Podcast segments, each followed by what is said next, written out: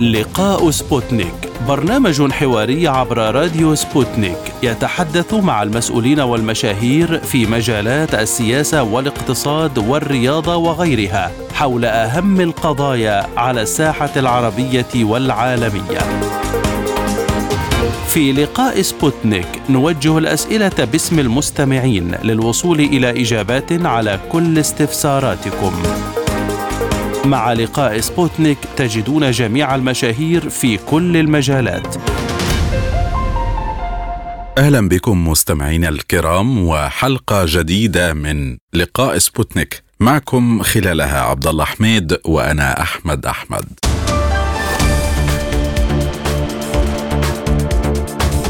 أسبوع يقترب من نهايته منذ بدء الصراع في السودان بين قوات الجيش والدعم السريع. اندلعت الاشتباكات في عدد من المواقع بالعاصمة. الخرطوم بدأت في قاعدة مروي الجوية وسط مخاوف من انزلاق البلاد إلى حرب واسعة. انفجر الخلاف بسبب خطة مدعومة دوليا.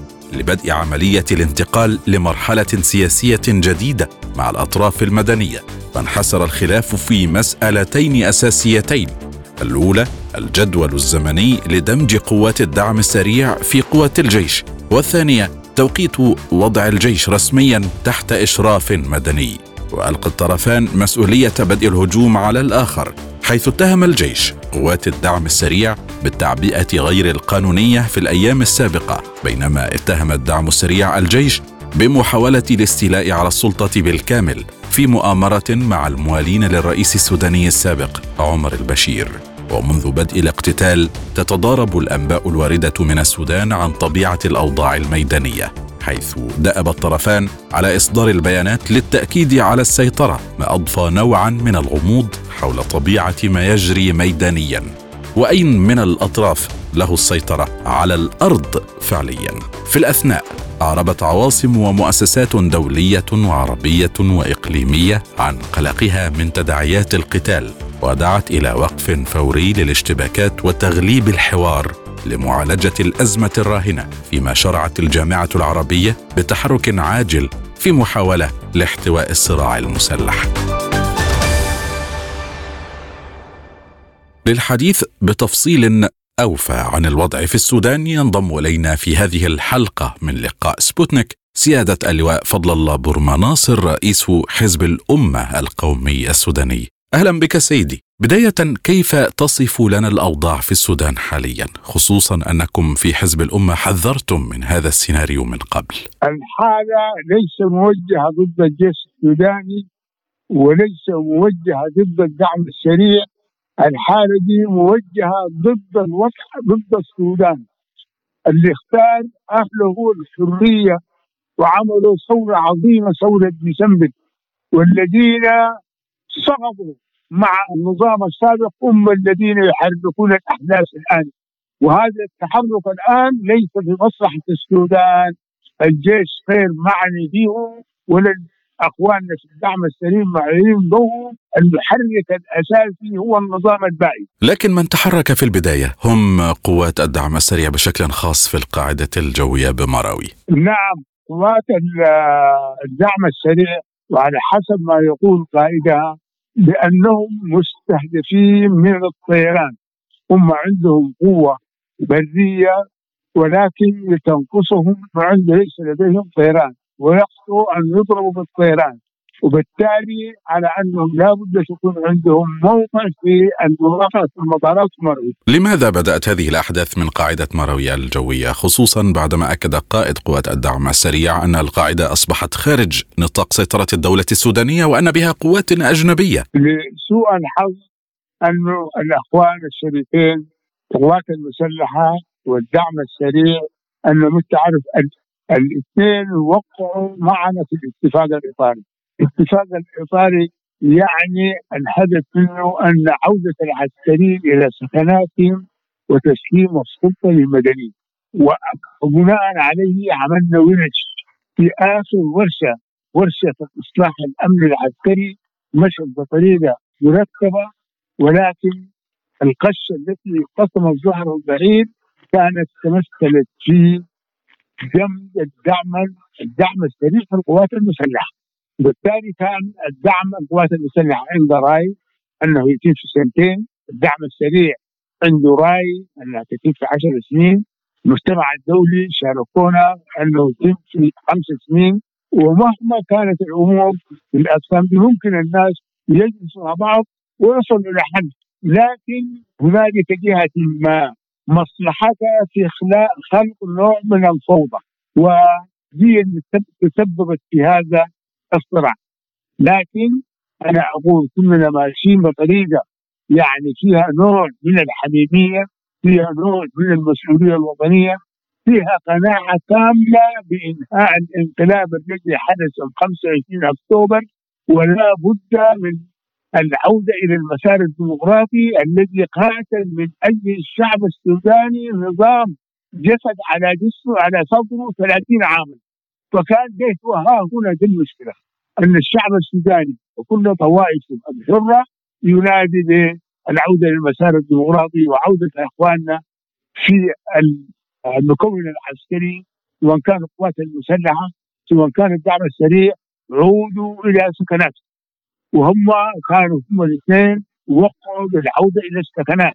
ولكن اللي حصل أن هنالك التدخل زي ما أنا قلت النظام السابق وأياديه هي التي لم يرضيها هذا الكلام وأن مصلحتهم أنها حددوها أن في خلق نوع من عدم الاستغراق. سواء كان النظام السابق هو المتسبب أو سواه، إلى ماذا سنجر السودان وفق هشاشة المعطيات الحالية السودان الآن ماشي إن لم إن لم كذلك الأمر ماشي حرب هذا أوسع في صراع في شمال صراع في الفاشل صراع في نيالا صراع في أي مكان في السودان هنالك وجود بين القوات المسلحة والدعم السريع في مواجهات مثل الخرطوم بس. وعلى العالم برضو أنه كل العالم مش يتدخل على مجلس الأمن أن يتدخل بسرعة المطلوبه على الدول الكبرى أن تتدخل بسرعة لأن السودان للموقع الاستراتيجي الذي يربط كثير من الدول إذا افترض عقد الامن عقد الامن حتتأثر كل هذه الدول وأيضا تتأثر الدول الكبرى. بيانات مختلفة من دول عديدة في المنطقة والعالم والمنظمات الدولية طلبت بوقف إطلاق النار. اذا ما هو المطلوب لوقف إطلاق النار؟ وبالتالي وقف هذه الحرب. دائما دائما العمل العسكري يتدخل لاستتباب الامن في البلد. لكن يكون هنالك صراع عسكري من الذين موكول عليهم الدفاع عن الوطن. والمسؤولين من أمن البلد واستقراره. أقول للمجتمع الدولي ومجلس الأمن الموضوع مش مناشده مش مناسبة. الموضوع أنه تدخل اوقفوا هذا يتعلق بالأمن والسلم العالمين. ده أمر أمر أمر يحل كل الناس. الأشياء الخفيفة على أنه والله ناسي. في حاجة أنتشرت. وصراع بين الجهة المفروض موكول عليها انها تحافظ على الأمن والاستقرار يعني حتمشي البلد إلى وين؟ أنا من منطلق المسؤولية بتاعت المنظمات الدولية وحتى مجلس الأمن والجمعية اللي نحن ننتمي إليها المحافظ على المحافظ على الأمن والسلم العالمين السودان يهدد يعني على هذه الدول أن تضع تتحمل مسؤوليتها أن توقف الذين يصارعون اوقفوا قتال. اوقفوا الشعب السوداني ليس لديه القوة بالكلام علشان ندفع نوقف مثل هذا الصراع. ده صراع بين القوى العسكرية. الشعب السوداني يعمل إيه؟ لكن هنالك في قوة عندها العالم تستمع عليها اننا كيف نحافظ على الأمن والسلم العالميين. هل الدول العالم ده نحن نرحب بايقاف إيقاف كلام واضح إيقاف اللي يجري في السودان لا يؤثر فقط في الأمن في السودان امن واستقراره ووحدته بل ضار في السودان وامن واستقراره ونحن نناشد أن العالم الحر وبيناشد مجلس الأمن بأنه يضع بالسرعة المطلوبة إيقاف هذا القتال كيف ترون سيدي العودة إلى حقن الدماء؟ مجددا هل انتهت كل المبادرات السلمية والاتفاق الإطاري وخريطة الطريق؟ ويجب العودة من جديد بشكل مختلف عما سبق. نحن الآن بنحاول الاتصال مع أخواننا في الطرفين وكل التليفونات مسكرة. ناس مسؤولين عشان نتكلم مع أخوتنا في الوطن نجلس مع بعض. ما قاعدين؟ كل التليفونات مسكرة والقتال داير. ما هو الدور ما هو دور أنا بسال ما هو دور المجتمع الدولي؟ ما هو دور مجلس الأمن؟ ما هو دور الدول الأشقاء والأصدقاء؟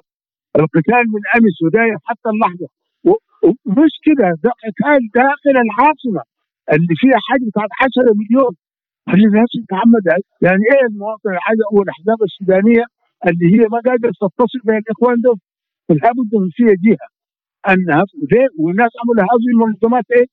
نحن نقول الآن حاولنا إحنا من بنحاول علشان كل إخوتنا دول نتصل معهم وعلى أن نقعد مع بعض. لايقاف هذه الحرب ونصل إلى آه، رؤية ترضي الجميع.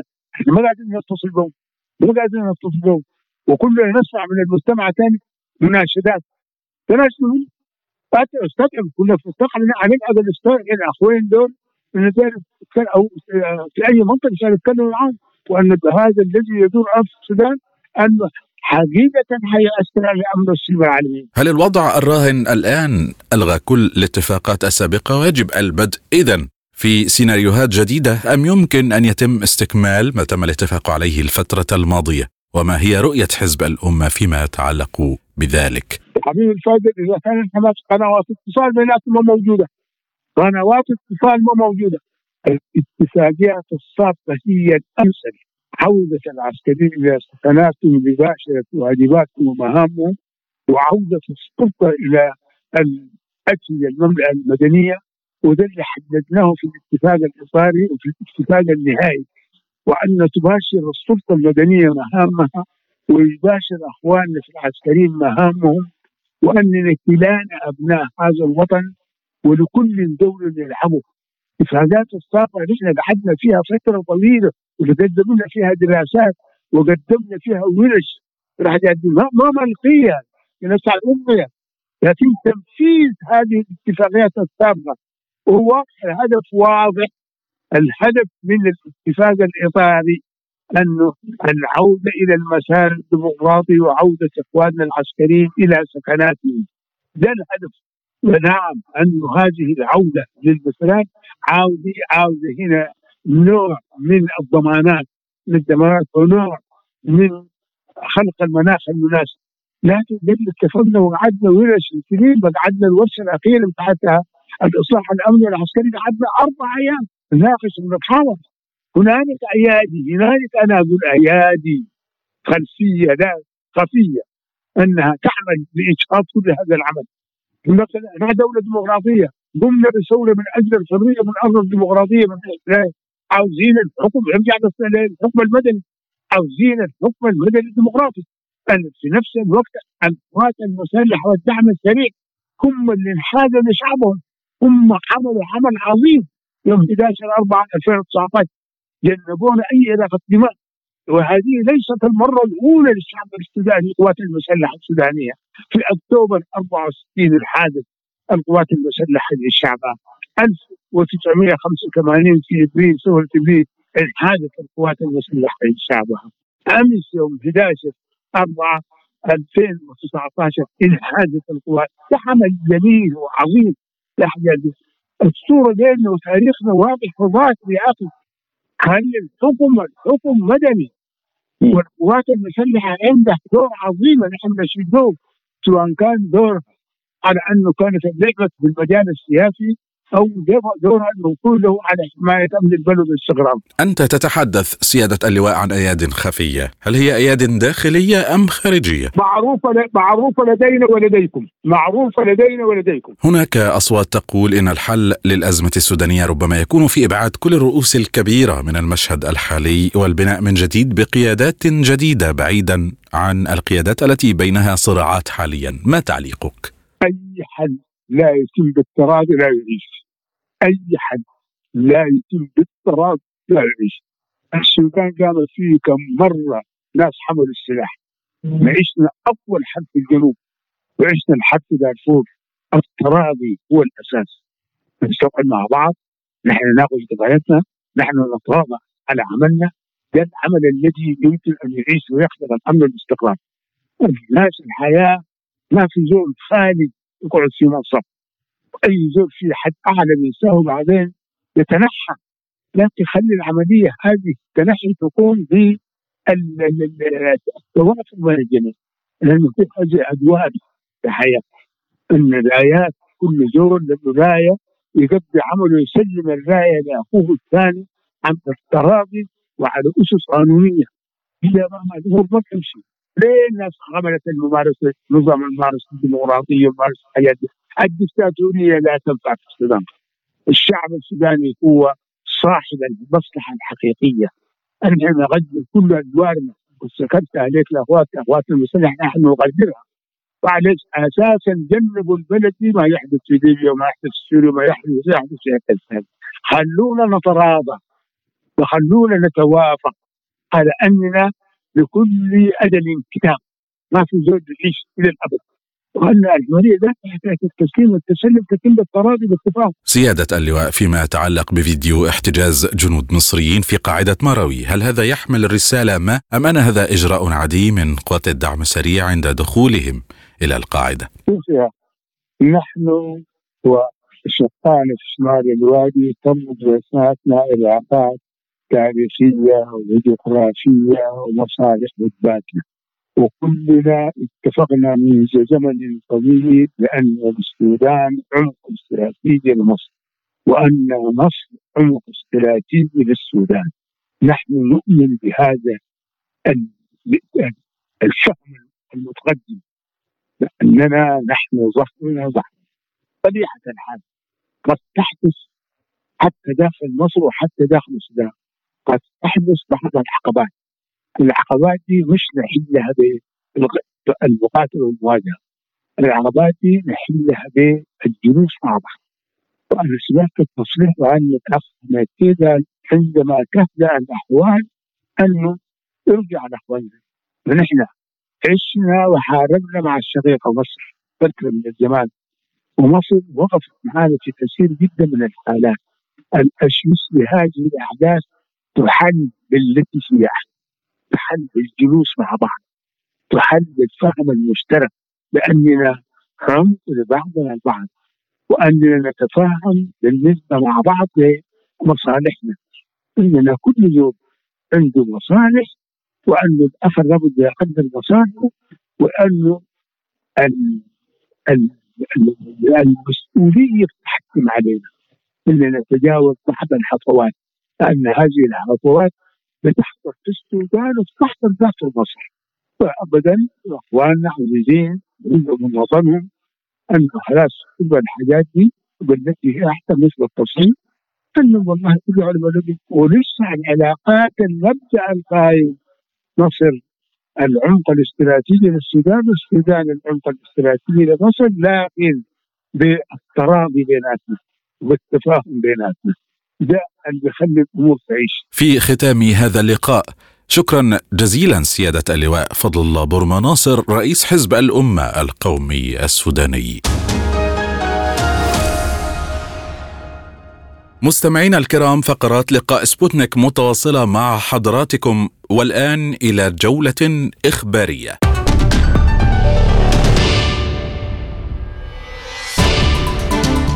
أعلن مستشار القائم بأعمال رئيس جمهورية دونيسكا الشعبية يان جاجين اليوم الأربعاء أن الوحدات الروسية تسيطر على حوالي 90% من أرتيوموسك بخموت. وقال جاجين في تصريحات لقناة روسيا 24 إنه في جميع الأحوال ستتم السيطرة على أرتيوموفسك معتبرا ذلك مسألة وقت مؤكدا في الوقت نفسه أن جميع طرق المدينة الآن تحت سيطرة مدفعية القوات الروسية.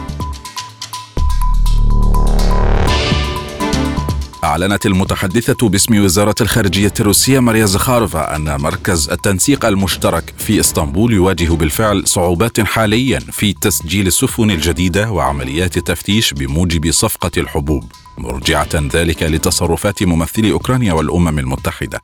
أضافت أن كييف بعد أن تجاهلت كل الاعتبارات الإنسانية وكذلك الأداب العامة يسعون الآن إلى استغلال مبادرة البحر الأسود بالكامل من أجل زيادة الأرباح التجارية دون تجنب الانتهاكات الصارخة للقواعد الإجرائية والمطالب بالرشاوي من مالك السفن وأشارت إلى أنه نتيجة لهذه الأفعال انخفضت حصة متلقي الغذاء الأوكراني في البلدان المحتجة إلى الحد الأدنى. من 28.3 مليون طن من الحبوب المصدرة إلى نحو 742 ألفا فقط.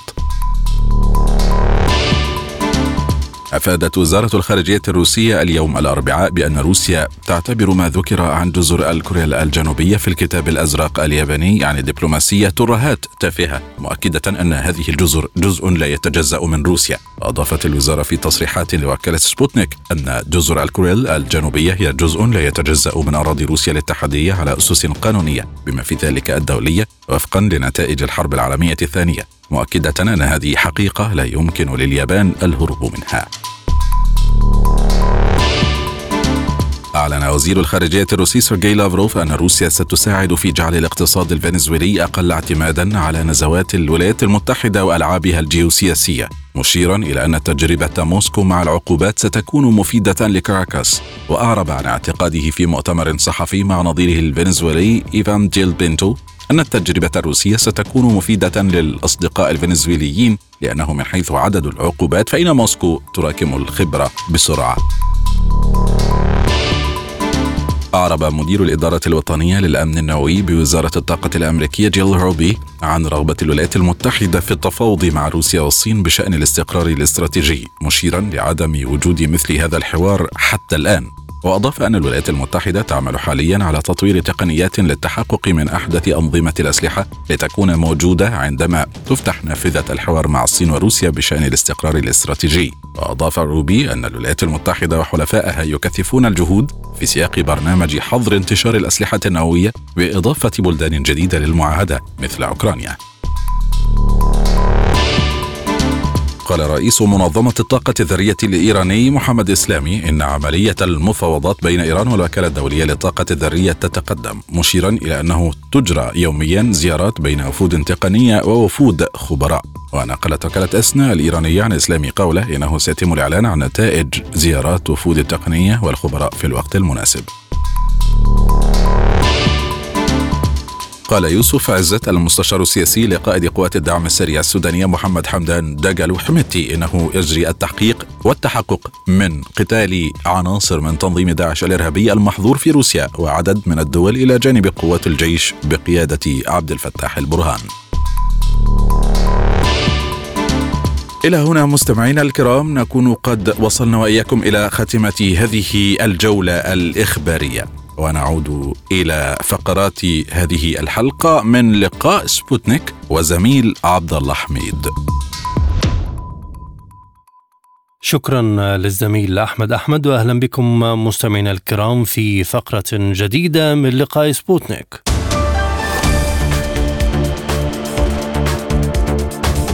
استمرت الاشتباكات بين طرفي الصراع في السودان رغم التوصل لهدنة إنسانية لمدة 24 ساعة. إثر اتصال وزير الخارجية الأمريكي بقائد الجيش عبد الفتاح البرهان وقائد قوات الدعم السريع محمد حمدان دقلو وتبادل الجيش وقوات الدعم السريع الاتهامات بانتهاك الهدنة حيث أكدت قوات الدعم السريع تعرضها لهجمات من قبل الجيش في الساعات الأولى من وقف إطلاق النار المعلن. من جانبه رد الجيش السوداني باتهام قوات الدعم السريع بعدم الالتزام بالهدنة مؤكدا أن مناوشاتهم لم تتوقف في محيط القيادة والمطار. وأكد في بيان أن هناك معلومات دقيقة بشأن فصول عمليه التآمر ومؤشرات قوية على تورط أطراف إقليمية ومحلية في دعم قوات الدعم السريع سيتم الإفصاح عنها في الوقت الملائم لمزيد من إلقاء الضوء على الأوضاع في السودان تنضم إلينا القيادية في الحزب الشيوعي ورئيس تحرير صحيفة الميدان الناطقة باسم الحزب السيدة إيمان عثمان. أهلا بك سيدتي الكريمة. بداية الأوضاع العسكرية في السودان تزداد شرارتها. إلى أي حد سوف يستمر هذا الواقع الميداني برأيك؟ والله الوضع خطير جدا ومؤسف الناس كان بيحذر من من هذا الوضع وفعلا كان رافع دور ساقي للمساله دي وحدث ما حدث وسنتنا في حالة يعني صعبة جدا. أخطر إنه ما مفهومه هي وين يعني حتى ما في معلومات دقيقة حول الوضع العسكري للطرفين يعني. في كل طرف يتحدث عن إنه هو منتصر وهو الأكثر سيطرة.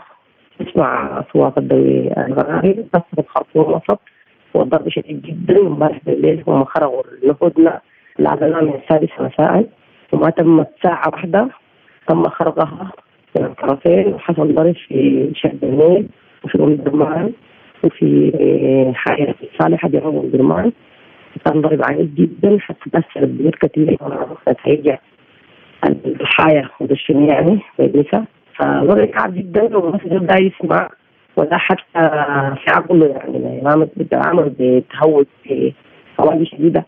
حتى في التصريحات اللي تمت كثير من الجيش ومن الدعم السريع فوضع كويس ما كويس يعني. والناس حذرت منه.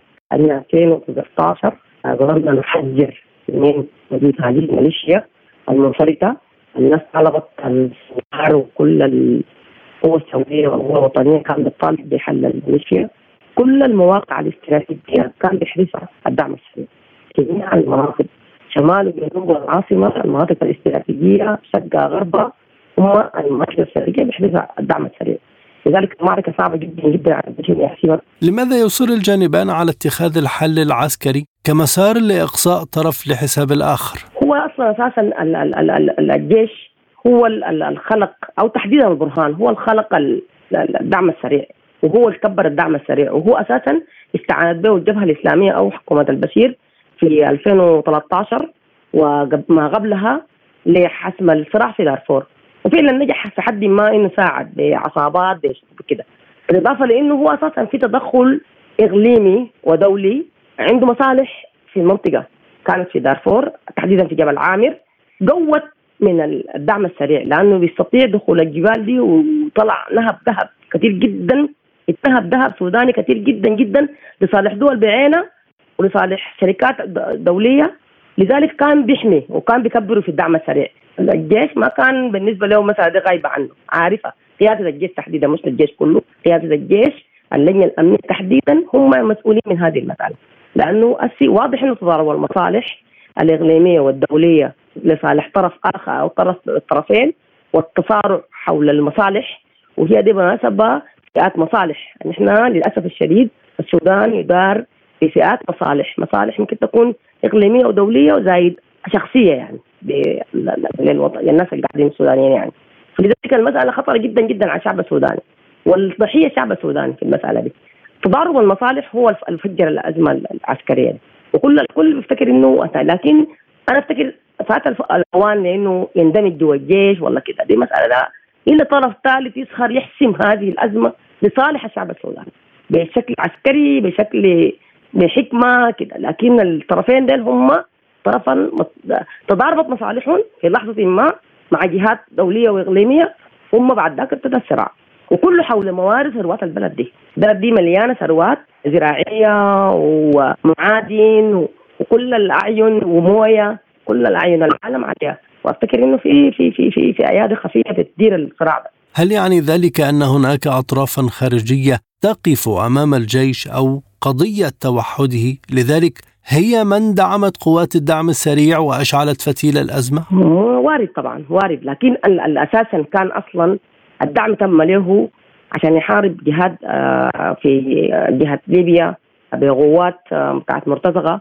وفي مصر زي ما قلت لك كان في نهب للذهب السوداني. في مصالح لشركات دولية وإقليمية هي بتجيب هي بتدير بخفاء كانت الدعم السريع. لتساعدها في مداخل لحاجات يعني تارة بمحاربة الإرهاب والهجرة لأوروبا. الشكل الثاني طبعا معروف بالنسبة لنا نهب الثروات تحت السودان تحديدا في دارفور تحديدا في جبل عامر. هو جبل عامر نضب لأنه هو سلموا في 2021 سلموا للحكومة المدنية لكن بعد يعني خلاص ما سووا حاجة. فدي دي دي دي مسألة السي واضح إنه الصراع اللي حيدور حيدور في منطقة مروي باعتبار إنه برضه المنطقة دي مناسبة فيها ذهب فيها معادن أخرى. واضح إنه في جهات عندها مصالح بين الاثنين. ما يحمي مصالح. المصالح الدولية دي طبعا القيادات العسكرية ويمكن تكون مدنية برضه هي اللي الدعم السريع. الدعم السريع بالنسبة لهم بيخلق خالقين بعبع للناس يعني. هو أصلا كان بيهددوا به يعني الكيزان كان بيهددوا به الشعب السوداني. إنه والله حنحوله لصومال حنحوله لليبيا حنحوله كده.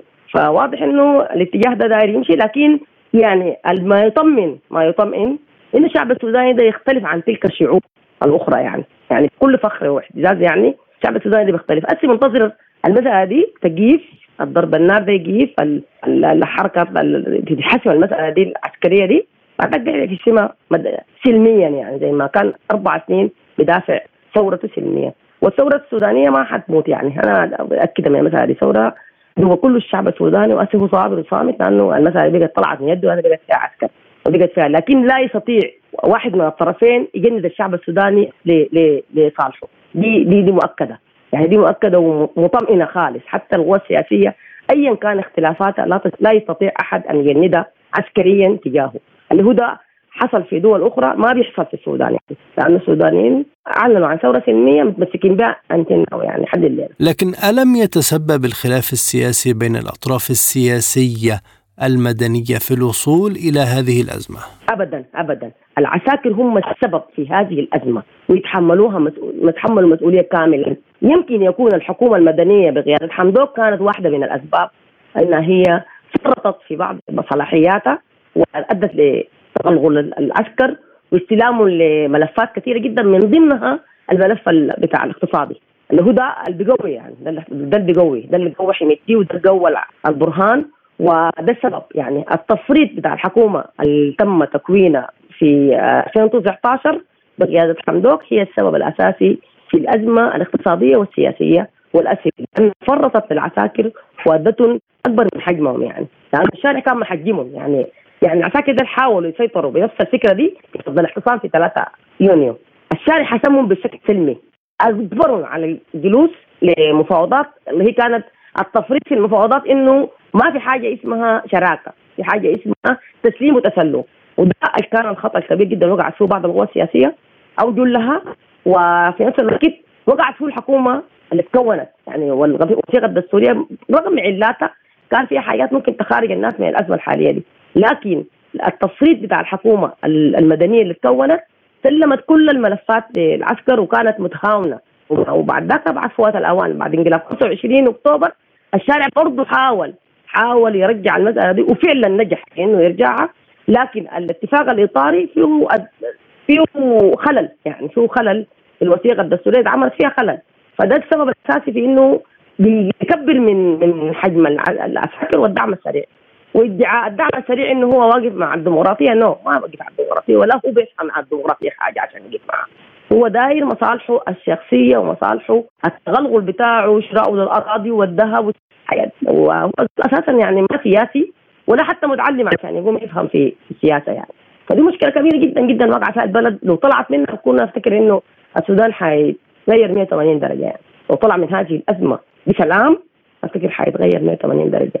وفي إمكانية لذلك يعني لقوة الشارع قوة الشارع شارع قوي جدا وممكن إذا وقف الحرب ده وقف أقصد العسكر العساكر رجعوا سكناتهم اتحسمت آه، بشكل بصالح أي طرف من الأطراف ايا كان هو. لكن أفتكر إنه الوضع ما ما مطمئن يعني ده إحلامنا يعني ما يعني. ما هي مصالح أطراف الصراع حتى يتمسك كل طرف بخيار الحرية في التعامل مع الوضع في السودان. هو طبعا طبعا طبعا الجيش السوداني من 89 هو جيش أدلج مؤدلج الجيش مؤدلج.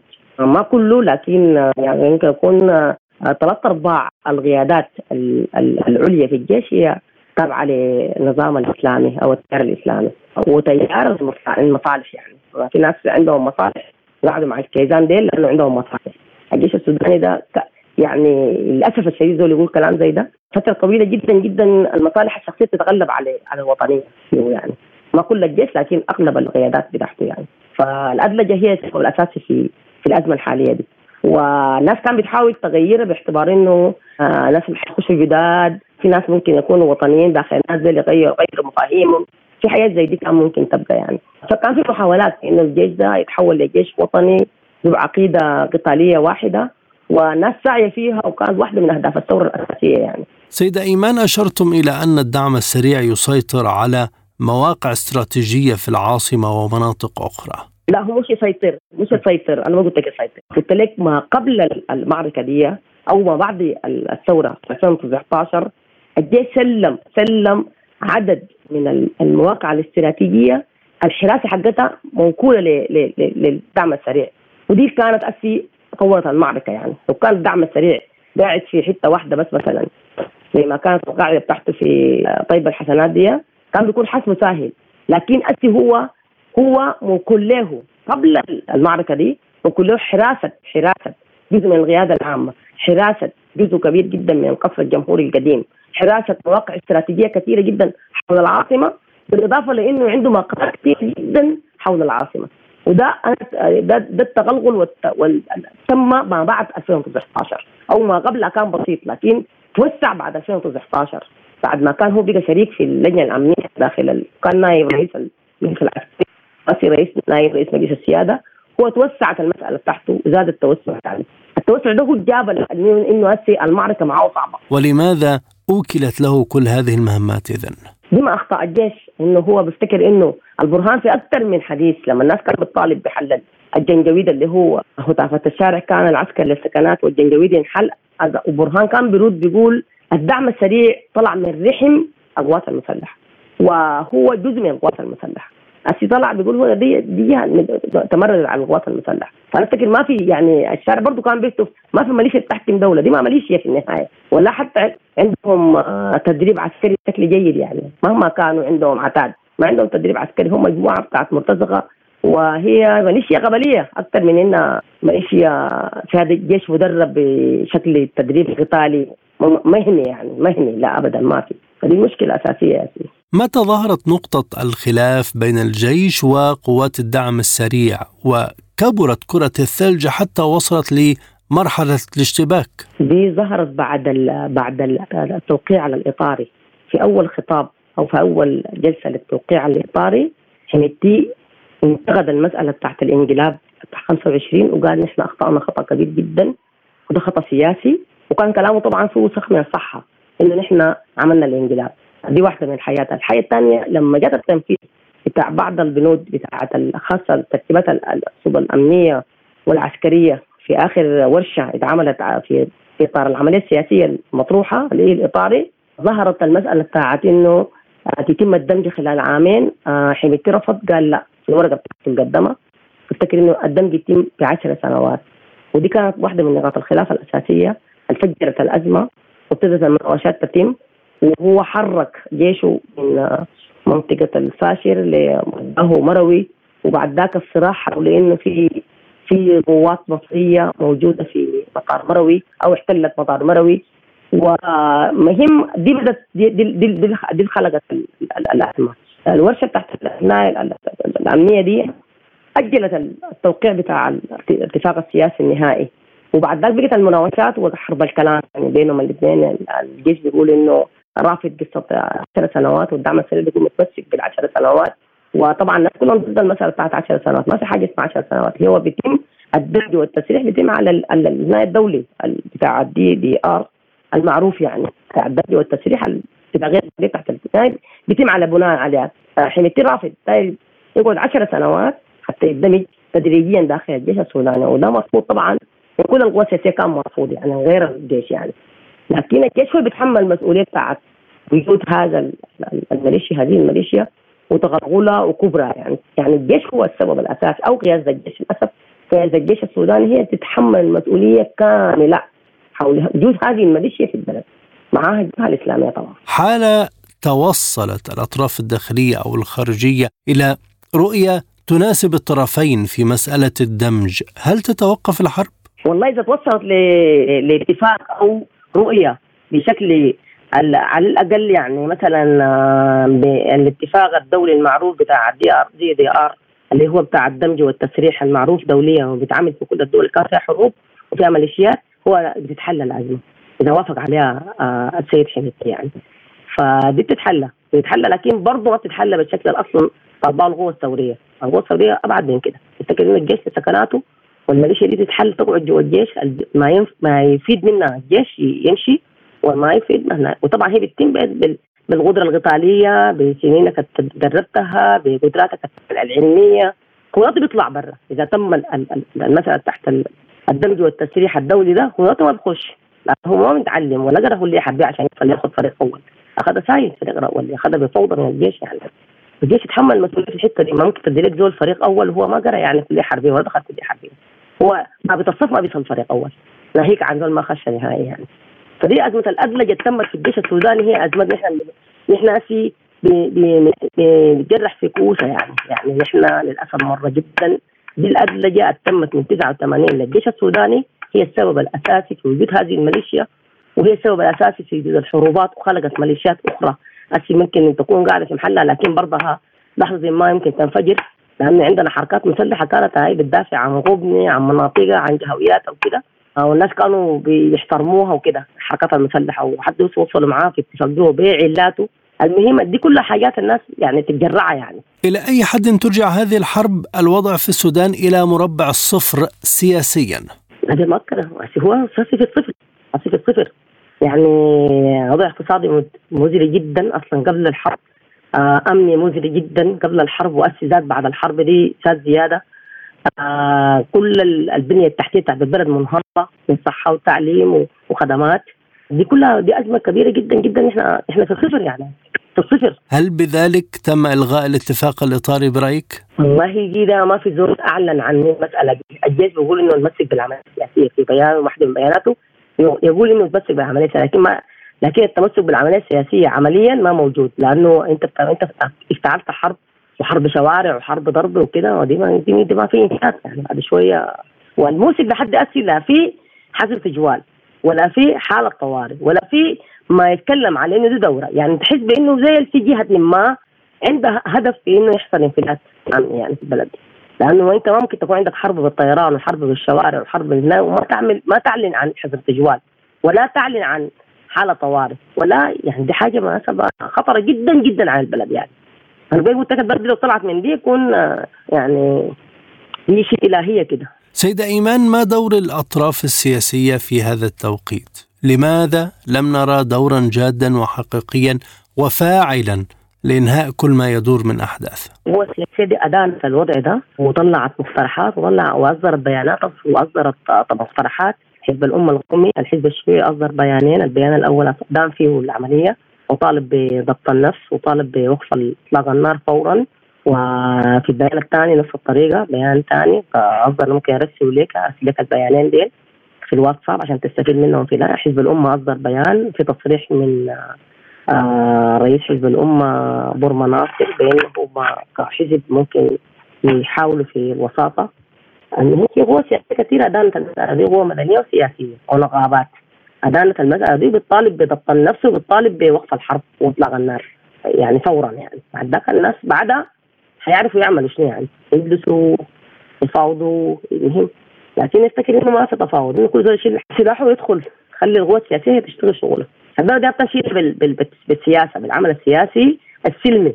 ما بتمشي غيره. يعني الازمه فيها دي ما بتحلها إلا القوى السياسية الوطنية الحقه هي حتحلها بتغيير جذري مطروح نحن طارحينه كحزب يغير كل الوضع من 56 انتين ناو يعني لحد الليل. لكن لم نرى لقاءات أو اجتماعات مع الأطراف لماذا؟ الخرطوم مقفولة والناس ما عارفة تمشي كيف. حركة. بين الخرطوم ودرمان الكباري كلها مقفلة. الحركه السياسية يعني يمكن تكون في لقاءات بتتم عبر الهاتف عبر الوسائط عبر كده لقاءات بين القوى السياسية بين الأحزاب بين كده بين الناس مع القوى السياسية في بعضها ذات في لقاءات لكن ما في مع صوت الرصاص لا, لا يمكن تعمل أي حاجة سياسية فالناس يطالبوا إنه وقفوا وقفوا وقفوا النار بعد ذاك الناس بتعرف إنه يعني بعد ذاك يكون في شنو يعني لماذا فشلت الهدنة الأممية التي كانت مقررة يوم الثلاثاء؟ والله الطرفين طرفين متهورين وفي طرف ما بيفهم ذاته في ال في ال في النص الدولية والمسائل دي. يمكن الجيش السوداني يكون لكن يقال إنه حسب التسريبات إنه الجيش أدخل آه، كتيبة جاية من بعض من واحدة من الولايات من الجهة الشرقية. ولما دخلت المنطقة بتاعت شرق النيل في أصلا متحركة قبل الهدنة يعني. لما دخلت المنطقة تحت النيل كدعم يعني للجيش بعدين لقوها ضربوها يعني. كل واحد بيقول إنه هو البدا خرج النار الثاني يعني اطلاق النار.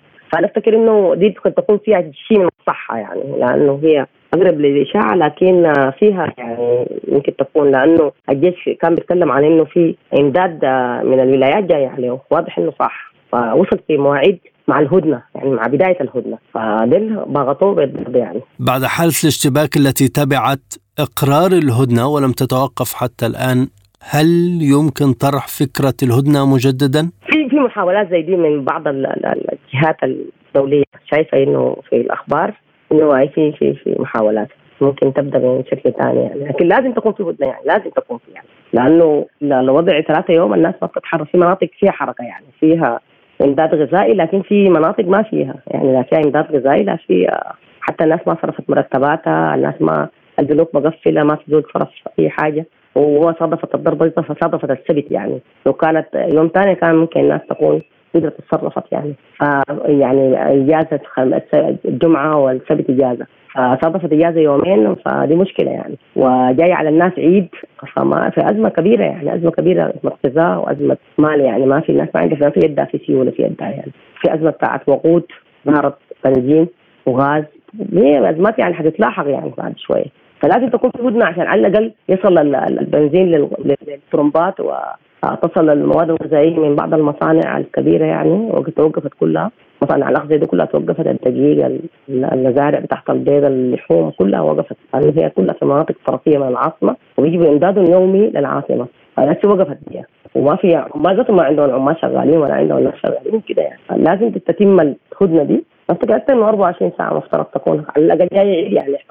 الوظائف حقت العيد دي يعني. يعني دي لازم يحترموها يعني. ومن قراءة للقيادات العسكرية وأنتم أقرب بالطبع هل النوايا تذهب لوقف الحرب أم القضاء على الطرف الآخر كخيار وحيد؟ والله الماشي كل دول بيصرح على أنه حيخدع الطرف الآخر. وطبعا ما ممكن الجيش الميليشيا تخضع على الجيش. دي دي, دي كارثة. ما ممكن. ما في زول حيأيدها يعني أصلا مهما كان الجيش سيئاته.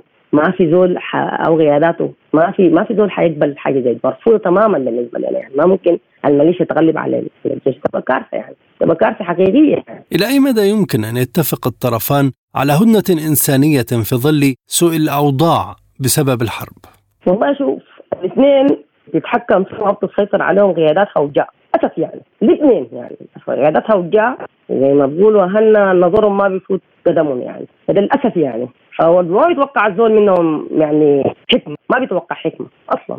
أصلا ما بيتوقع منهم حكمة. يعني إحنا من التجارب تمت من 2019 خليك ما قبل 2019 آه في الجيش السوداني ما في حكمة حكمة ما في. قرر يفضل الاحتفام فضل الاحتفام في ليلة مقدسة يعني بالنسبة للشعب السوداني يعني ليلة العيد يعني. نفس الحياة عمل الانقلاب في وقت ما مناسب نهائي للانقلاب. الناس معه القياده تحت الجيش أو اللجنة الأمنية بتاعت البشير دي ما يعني بتديرها بتديرها عيادة خفية. أنا أفتكر عيادة الكيدان شغالة معهم لكن الكيدان هم عارفين ومتاكدين تماما إنه ثاني الشعب السوداني ما حيتقبلهم يعني. باي شكل من الأشكال ما حيتقبلوا وممكن يكونوا فيها وجه إنهم دايرين يحرقوها يحرقوا البلد. فإذا يعني دي دي تحمل مسؤولية تاريخية يعني. يعني كقيادات إسلامية بتتحمل حاجة زي دي بتقصد بتقصد حاجة زي دي بيكون دي يعني كارثة يعني. لأنه هم ما الجيش السوداني هو كله مسيطرين عليه هم مسيطرين على الحياة تحت الجيش. قوات الجيش واضح إنها ذاتها ما ما ظاهرة يعني. ظاهر زول واحد بس هسه هو اللي بيصرح. الناطق الاثنين الناطق الرسمي اعتبرنا ده شخص عادي موظف عادي لكن بيصرح من اللجنه الامنيه وعبد الكباشي الكباشي ده قبل كده احترف بفضل الاحتفال فما استبعد إنه افتكر إنه المساله تحت هي حتمشي العسكرية بتمشي. ما في ما في ما في في الدنيا دي كلها في حسبت عسكريا في النهاية مهما كان تخبط تضرب تخبط تضرب في النهاية تقعد. الحرب العالمية حزمت بهذه الطريقة يعني ما في ما بين منتصر ومنصور يعني منتصر ومهزوم اقصد كيف يمكن البناء على ما تم التوصل إليه من جهود أثمرت اتفاق للهدنة ولو ل 24 ساعة في تعزيز جهود الوساطة الدولية لوقف إطلاق النار؟ هو طبعا الوساطة الدولية شغالة بشكل يعني حسب الاتحاد الأفريقي لكن حسب التصريحات من الاتحاد الأفريقي انه هم الشخصيات اللي كلفوها عشان هي تقعد مع الطرفين ما قدرت تصل الخرطوم لأنه مطار الخرطوم مغلق مش مغلق صاي لأنه المطار ذاته فيه دمج. فما عارفين إنه الدمج ده حيكون في الرنين ولا حيكون ما معروف يعني الدمج فإذا ما لا لا اتحسمت المسألة دي على الاقل يعني الطرفين دين من هنا من الداخل اتفقوا على إنه على الأقل عشان الوقفه الدوليه دي تخش عشان يكون لازم الطرف الخطوم يكون مهيئ لذلك يعني عشان تنزل ينزل طيران. واحد اثنين ال... إنه هم يقتنعوا بإنه إنه ما المساله دي ما بحلها إلا الجلوس لو اقتنعوا وخطوا سلاحهم يعني فلازم يخطوا السلاح ده يعني. لما توضع السلاح ده في الأرض ما في أي حل يعني. ذاك الشكل بتاع التفاوض يكون تدخل دولي تفاوض وساطه دولية يقصد بوساطه وطنية وكده بقوه سياسية. إلا إلا يتم وقف إطلاق النار ده فورا ووضع مساعدات للناس عشان تتخارج. اعداد أعداد هائله جدا من السودانيين محبوسين في المستشفيات. وللاسف الشديد المستشفيات بتاع السرطانات وغسيل كلى لأنه زول بيمشي مع إغامة دائما جالس المستشفى بيمشي يعمل غسيل كلى بيجي طالع. بيمشي ياخذ جرعة بتاع السرطان وبيجي طالع. عشرات العشرات. إحنا عندنا زميلنا معاه طفل عنده سرطان مصمم بتاع الجريدة. اليوم من يوم السبت هو من الساعة 9 صباحا مقفول داخل مستشفى الأمل عشان ياخذ الجرعة لحد الليلة ما طلع. أعتقد ده ده وضع إنساني خطير جدا جدا جدا. ومعاهم والمستشفى كلها أطفال يعني مصابين بالسرطان يعني. بعد شوي يمكن الانجاز ذاته بتاع الجرعة يقيس يعني. الانجاز بتاع علاجهم ففي عدد كبير من السودانيين في خطر يعني. عدد كبير جدا من السودانيين أطفال ومرضى. وذويهم قاعد مقفولين في عدد من المستشفيات الكبيره يعني مستشفيات الرصيد الكلى القلب. السرطانات الأمراض الخطيرة يعني. بما أننا نتحدث عن الوضع الصحي هناك 39 مستشفى متوقفة عن الخدمة من أصل 59 كما قالت نقابة الأطباء. إلى أي مدى يمكن مساعدة الجانب الصحي خلال هذه الفترة؟ والله دي إلا إلا بالصليب الدولي والهلال الأحمر هم اللي يحلوا المشكلة معروف يعني وكل الحبوبات هم اللي بيحلوا مشاكل المستشفيات.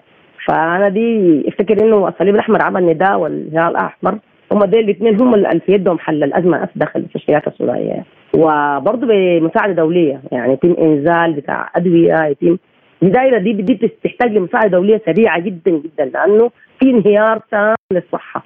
قد يكون الخدمات الصحية يعني في ظل الحرب وفي ظل العدد الهائل من الجرحى تجاوزوا 1800 جريح و180 آخر إحصائية لنقابة الاطباء السودانية إنه 180 قتيل و1800 جرحى ده غير الأساس ال ال ال وعدد من الجثث في الشوارع يعني برضه دي مع أزمة برضه ممكن تسبب في أمراض للأحياء اللي حوالينا يعني.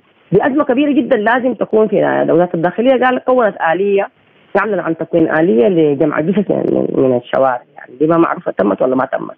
لحد هسه. هو ما زال لسه الناس نسمع ضرب النار لكن عن المتباعد يعني. في ظل الدعوات الدولية كيف تقيمون المساعي لوقف القتال الدائر في السودان؟ والله ممكن تنجح يعني. ممكن تنجح إذا إذا سقط الطرفين لذلك يعني. المساعدة الدولية بتنجح يعني تنجح في حل المشاكل. كده نجحت في إنه ما بعد فضل الاحتفام رغم إنها كانت شوية معيبة لكن على الأقل زي ما بقولوا شالت فتيل الأزمة يعني. شالت فتيل الأزمة. لحتة لكن واضح يعني السبب الأساسي دائما لما الحياة تكون ناقصة اللي هي النتائج تكون جيدة يعني ودي نتيجة للأخطاء السابقة ممكن تكون هسي الناس حقه بس ينتبهوا لها لو جات أي وساطه دولية ينتبهوا لأنه الأخطاء ما تتكرر يعني. يعني ما تتكرر الأخطاء في 2019 ما بعد فضل الاحتفاظ. عدد من الشهداء ينتظرون آه، العدالة يعني. وفي عدد من الجرحى ينتظرون آه، عدد كبير جدا من الجرحى منذ 2019 ينتظرون العلاج اللي هم فاقدين أطرافهم فاقدين عيونهم فاقدين في عدد من المفقودين ما موجودين. دي كلها أزمات يعني اتركبت ما بعد توقيع الوثيقة الدستورية في 2017 وما تحلت منها ولا حاجة. من ضمنها اللجنة بتاعت التحديد في الاعتصام اللي هي نتيجتها لحد هسه ما ظهرت. وكل يوم بيزداد الغبن على السودانيين يعني وعلى على الشهداء يعني. من 21 من 25 أكتوبر لحد الليلة تقرب الطفل 200 شهيد. يعني دول بيموتوا في الشوارع. بالدعم السريع ده ذاته بالمناسبة. بسلاح الدعم السريع ده. ظاهرات سلمية. ظاهرات يعني سلمية. ودي يتحمل مسؤوليتها كاملة تتحملها اللجنة الأمنية على راسها حنيتي والبرهان يتحملوها يعني كاملة كاملة يعني أمام الشعب السوداني وربنا. المجتمع الدولي خاطب طرفي الصراع طالبهما بوقف الحرب، اذا ما أدواته التي يملكها للضغط على الطرفين؟ والله إلا يجتمع مجلس الأمن ويقرر إذا داير ينقذ شعب السودان إذا تمادوا في هذه المسألة دي دي, دي في بروتوكولات دولية معروفة بتتم لحسم مثل تلك الصراعات يعني. سيدة إيمان هل الإقليم العربي والإفريقي قادر على أن يكون وسيطا بين المتصارعين؟ والله يا داود أنت شفت لك حاجة في العالم العربي ده؟ قضية كده اتحلت. على راس القضية الفلسطينيه نحن من قبل ما يلدونا. القضية الفلسطينية ما زالت. العرب حلوها. يجيدوا كل الأنظمة العربية دي أنظمة بتزيد التعقيد. يمكن يمكن آه، مجلس السلم الأفريقي يستطيع. يمكن يمكن يعني. ده حسب من وجهة نظري أنا يعني من حسب أظن ما تابع يعني. إحنا أنا صحفية من 86 يعني كنت شايفة كل الحياة دي قدامي يعني. إذا كانت إقليمية إذا كانت دولية إذا كانت آه، محلية يعني. هذول بشوف بعيني يعني. ما في ما في ما في قضية طرحت أمام الدول العربية أو الأفريقية تحلت ما في. سوريا ما زالت مفرتكه شعبها كله مجدع بالشوارع. ليبيا مفرتكه اليمن صدرت فيها الدول العربية ذاتها آه، صراع بين يعني ما في ما في ما في ما في أمل في في في الأنظمة الموجودة داخل جامعه الدول العربية. لماذا يدور الحديث حول أياد خفية في الصراع الدائر؟ الإشارات دائما تتوجه نحو النظام السابق. في ايادي خفية والنظام السابق ذاته جزء منها طبعا. لكن ال ال ال ال ال ال ال دي حقيقي حقيقي النظام السابق غاد يعني غاد وكانوا يهددوا بإنه إذا هم أزاحوهم من من الحكم حيحول البلد دي لصومال يعني كانوا بيقولوها بالمناسبة بيقولوها الصحفيين بتاعنا ولا بيقولوها الكتاب ولا بيقولوها رؤساء وقالها على عثمان ذاته في آخر حوار منها 2016 وقامت الثوره يعني. البلد دي ما بيحكمها غيرهم هم يعني. وأسي قبل الجمعة قبل فاتت دي كان في إفطار عاملينه كيزاندل في واحد من بيوت الحركة الإسلامية دي المدعو حسن عثمان رزق قال إنه البلد حيحكم 300 سنة الحركة الإسلامية حتحكم 300 سنة. 300 سنة دي قال كثيرة يعني ذاته فالمهم هو بيتكلموا عن إنه ما في زول غيره حيكون حاكم. وحق القوى السياسية دي شفناه طريقة ثانية. فدي واضح إنها في مؤشر لأنه هم ورا الصراع ده برضه يعني. لكن ال ال ال ال الصراع بينه هذا ما أصلا هم من الجاب حميتي يعني. ما هم ذاتهم ساعدهم في 2013 إنه قمع المظاهرات. ساعدهم ما قبل 2013 في إنه حكم الحركات المسلحة في أو ساعد في تقزيمه يعني تقزيم الحركات المسلحه في في دارفور يعني. لكن الرئيس السابق في السجن وهو أيضا مطلوب دوليا فمن الذي يتحرك؟ لا السياسي ما في اي حديث عن عنه. ما في اي حديث عن ال عن, ال عن الناس اللي السجون هم عندهم محاكمات جارية وماشية. آه، لكن ما ما في حديث عنها. ما في حديث عنها. هم بالمناسبة الحركة الإسلامية ذاتها هي تيارات وفي خلافات دابة بينهم من بدري جدا بالمناسبة. فما في ما, في ما وبعدين هو من من الحركات من القوى السياسية بتستطيع تحت أي وقت من الأوقات تغير جلدها يعني. يعني الحركة الإسلامية دائما بديدنا يعني. بتغير جلدها بسرعة جدا وبتيجي مجموعة كيف السطح هي يعني. هسه واضح إنه في مجموعة ثانية غير ديل. ديل خلاص يدعوهم. فجاء في مجموعة جديدة. وخاصة ما بعد من أصلا من المفاصله تمت بين الترابي وعمر البشير في 2000 و في 99 في ديسمبر 99 هم كل مرة بيتقسموا يعني بيتقسموا بيتقسموا يعني بيحصل داخلهم انقسامات وتشجر وطبعا كله تضارب مصالح وصراع على السلطة يعني من يبقى أقوى؟ يعني البغالب لو الاقوى. أخيرا سيدتي ما هي توقعاتكم وتصوراتكم للخروج من هذه الأزمة؟ بص توقعات ولا ما نراه نحن يعني نراه إنه إنه وقف إطلاق النار فورا انسحاب الجيش من الحياة السياسية السودانية. واحدة من الحياة الأساسية. التغيير الأساسي لكل المشاكل في البلد دي بيتم بإنه الناس ترجع للتغيير الجذري اللي إحنا طارحينه كحزب واللي هو بيحل الأزمة من 56 لحد الليلة. كل التجارب اللي كانت السبب في عديد البلد دي هي كلها كانت فاشلة. آه، دي أنا ممكن ارسلك لأنه ما كلها بنوده مستحضراها لكن هي أفكر فيها واحدة من حياة تاريخ الحزب الشيوعي السوداني. وهو أساس واحدة من الأحزاب اللي كانت رافضة تماما للعملية السياسية وكانت هي القناه الأساسية الوحيدة بالإضافة لإنه التركيز على على الحل السياسي السلمي. شكرا جزيلا لك يا سيدة إيمان عثمان القيادية في الحزب الشيوعي ورئيس تحرير صحيفة الميدان الناطقة باسم الحزب كنت معنا ضيفة كريمة من الخرطوم كما نشكر لكم حسن المتابعة والإنصات مستمعينا الكرام دمتم في حفظ الله ورعايته. كنت معكم في هذه الحلقة عبد الله حميد وزميلي أحمد أحمد. إلى اللقاء.